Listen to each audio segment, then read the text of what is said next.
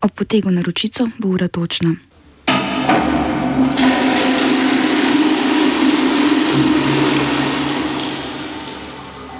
Off reportaža.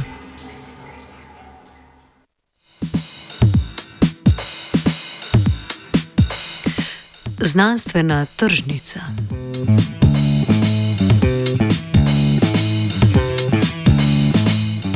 V torek zvečer je v kreativnem centru Polygon potekal pogovor izdajateljev in izdajateljic spletne revije za kognitivno znanost Črna škatla z rahlo zamegljenim naslovom v ozadju znanstvenih dosežkov.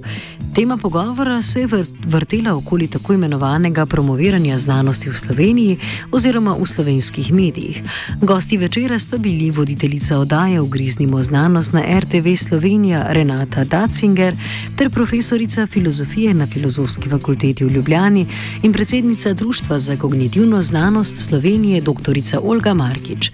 Pogovor pa je vodil Borut Trpin, mladi raziskovalec na oddelku za filozofijo Filozofske fakultete Univerze v Ljubljani. yani.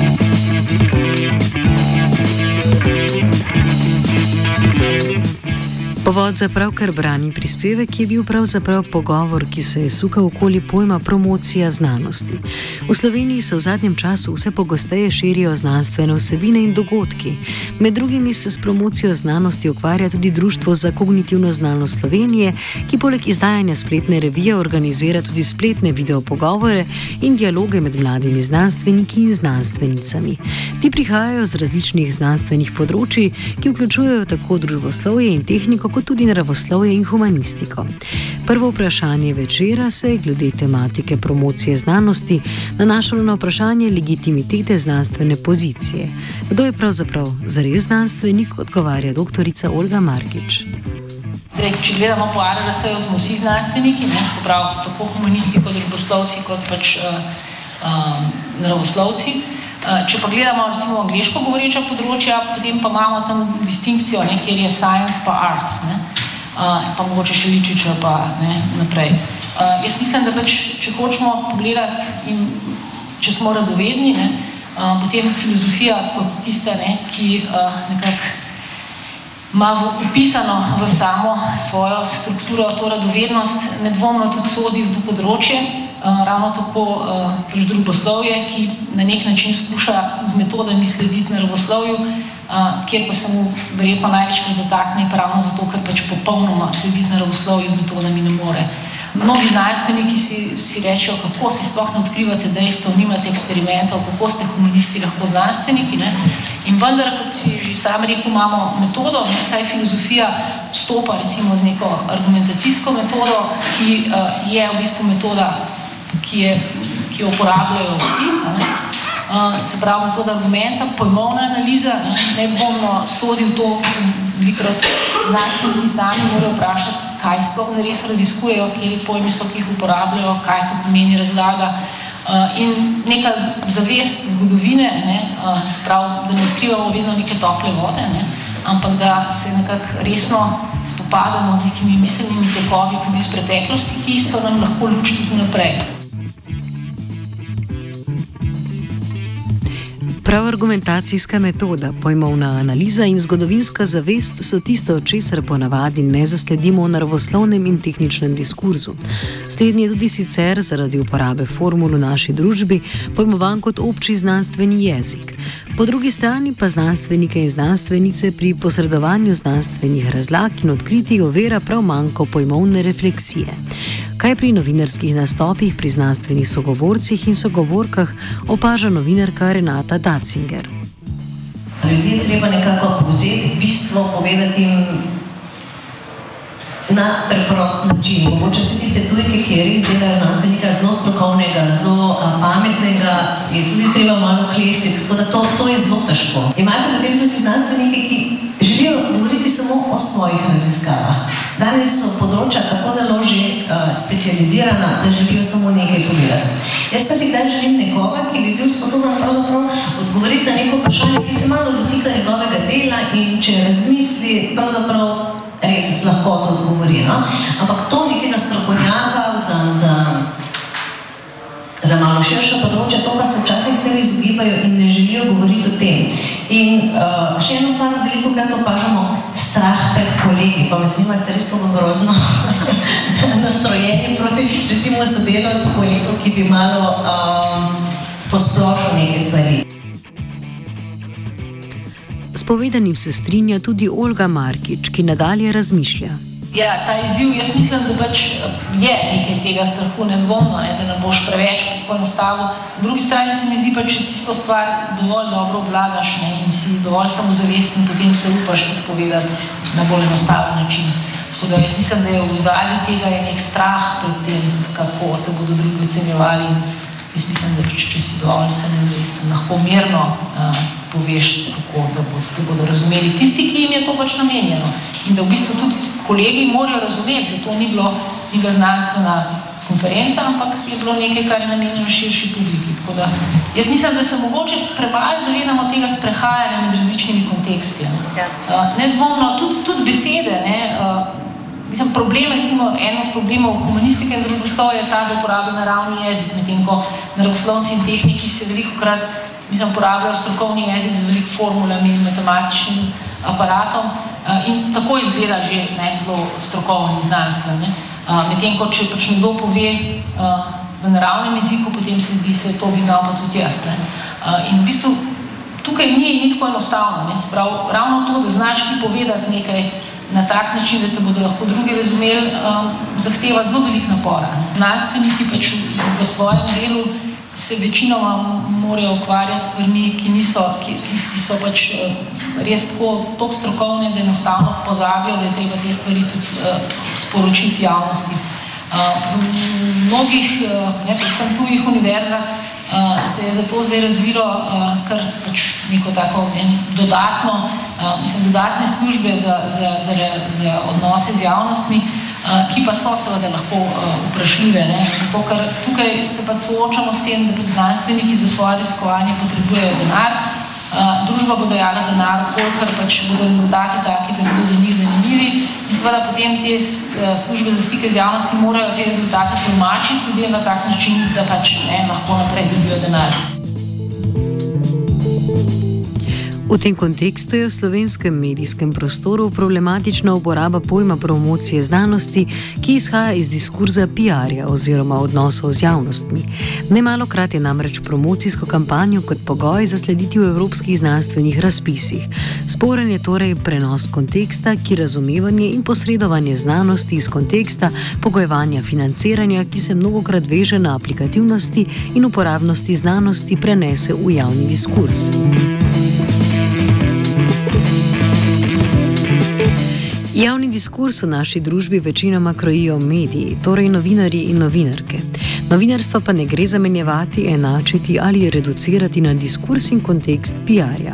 Temveč je naloga novinarjev in novinarsk skrbeti za ustrezen pojmovni, zgodovinski in družbeno-politični kontekst podane znanstvene vsebine. Kako vlogo novinarjev razume Renata Datzinger in nadalje, kako je z novinarsko objektivnostjo pri podajanju znanstvenih vsebin. Če smo novinari nekako sicer izobraženi v tem, v neki poklicni, v neki obrtni, če obvladamo svoj obrt, smo še vedno nekako dober filter za to, da znanstvenike, s katerimi sodelujemo, pripravimo do tega, da govorijo tako razumljivo, da jih razumemo mi in da jih potem razumejo ljudje. Se pravi, neko nalogo vseeno imamo in mislim, da če jo znamo dobro narediti, je ta naloga velika, ta vloga velika. Moj odgovor je, da pravzaprav ti ljudje, ki so nekako iz nekega načelnega prepričanja proti temu, ki nimajo pravih dokazov v neki vdaji v znanosti, nimajo prostora. Njihov glas lahko povzame tisti novinar, lahko vpraša znanstvenika, vendar pravo besedo mora imeti tisti, ki se celo življenje, ki se celo življenje ukvarja s tem. Mi ljudi ne želimo prepričati, gensko spremenjena hrana je super, pojdite, jajte jo. Ampak jim želimo pravzaprav povedati, kaj pravzaprav to sploh je. Kolikšen delež odgovornosti pa za sporočanje in razumevanje znanosti v družbi nosijo sami znanstveniki in znanstvenice, razmišlja Olga, Olga Markič. Etični premislek o, o raznih znanstvenih odkritjih je pač, se mi zdi, zdaj nekaj, kar si pač nihče od znanstvenikov ne more, ne more pred tem zatiskati oči. In to ni nekaj, kar bi bilo samo na strani znanstvenikov, to je celotne družbe in vsi, vsi predeli, ja, vsi segmenti družbe bi morali tukaj nekako zraven sodelovati. Ne. Zdaj, na drugi strani pa verjetno ponekod se to že dogaja, ne, tako da prav ljudje, ki končajo študij, ki naredijo doktorat, dosti krat ugotovijo, da v bistvu jih pa ne zanima zdaj eno molekulo študirati celo življenje, ne? ampak se mi zdi, da, je, da bi rajš neke širše stvari sporočali ljudem in v bistvu so potem zelo dobro izobraženi in uh, če imajo še to veselje in sposobnost, lahko zelo kvalitetno uh, te ideje prinašajo. Tako da jaz mislim, da pač se mora razviti en ta segment nekje, nekje med pač novinarjem in, in, in znanstvenikom, ne, neki znanstveni novinari, ki pač ga v tujini to se že dogaja, ne, zdaj pri nas imamo neke poskuse tega. Ne, in to mislim, da je, da je pač ena možnost napredka, kjer bi šlo res za neke, ki bi se, pač pa za novinarje in znanstvenike, ki bi bili zavezani prav nekim temeljnim idejam znanosti, se pravi poštenosti, eh, radovednosti, ne, hkrati pa ne bi govorili tako hermetičnega jezika, ampak bi bili dostopni širši javnosti. Kaj torej storiti v danih razmerah, da bi znanstvene vsebine lahko ustrezno razširili med javnostjo? Razmišlja novinarka Renata Datzinger. Znanost pa je neko področje, kjer pa je potrebna neka določena izobrazba, je težko področje. In to, da pri nas ni nekih ljudi, ki imajo izobrazbo, ki so končali študij in se potem preusmerili v novinarstvo, to je manjko. In tudi jaz mislim, recimo, da bi bili ti najboljši. Je pa res, da bi potem potrebovali nek medij, kot je televizija Slovenija, nekoga, ki je študiral fiziko, nekoga, ki je študiral biologijo, nekoga, ki je študiral medicino in v bistvu v Sloveniji si tega ne moramo privoščiti.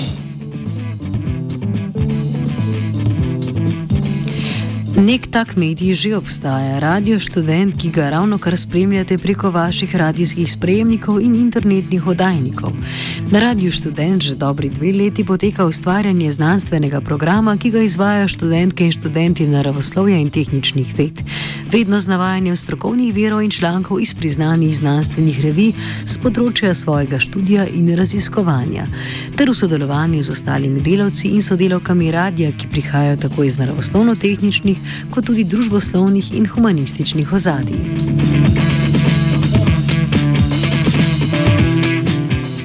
Tako na radiju študent bodoče raziskovalce in raziskovalke uvajamo v znanstveno novinarstvo, s tem pa jim omogočimo neko dodatno izobraževanje, ki ga naše fakultete vsaj na ravni do diplomskih in magistrskih študijev ne ponujajo. Na ta način poslušalcem in poslušalkam nudimo poglobljen znanstven program, predstavljen v širšem družbenem in političnem kontekstu, kar je v slovenskem medijskem prostoru posebnost. Naš program zajema dnevne jutranje znanstvene novice, dvakrat mesečno oddaje frekvenca dela šenca in občasen nočni program.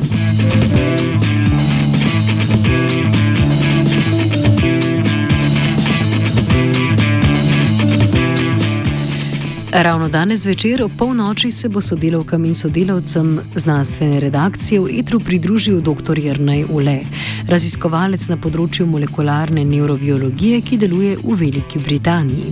Pogovarjali se bomo o naravi raziskovalnega dela in pa o medijsko spregledanih temah v Sloveniji, kot sta vpliv Brexita na znanstveno raziskovanje in vračanje v tujino izobraženih raziskovalk in raziskovalcev nazaj v Slovenijo.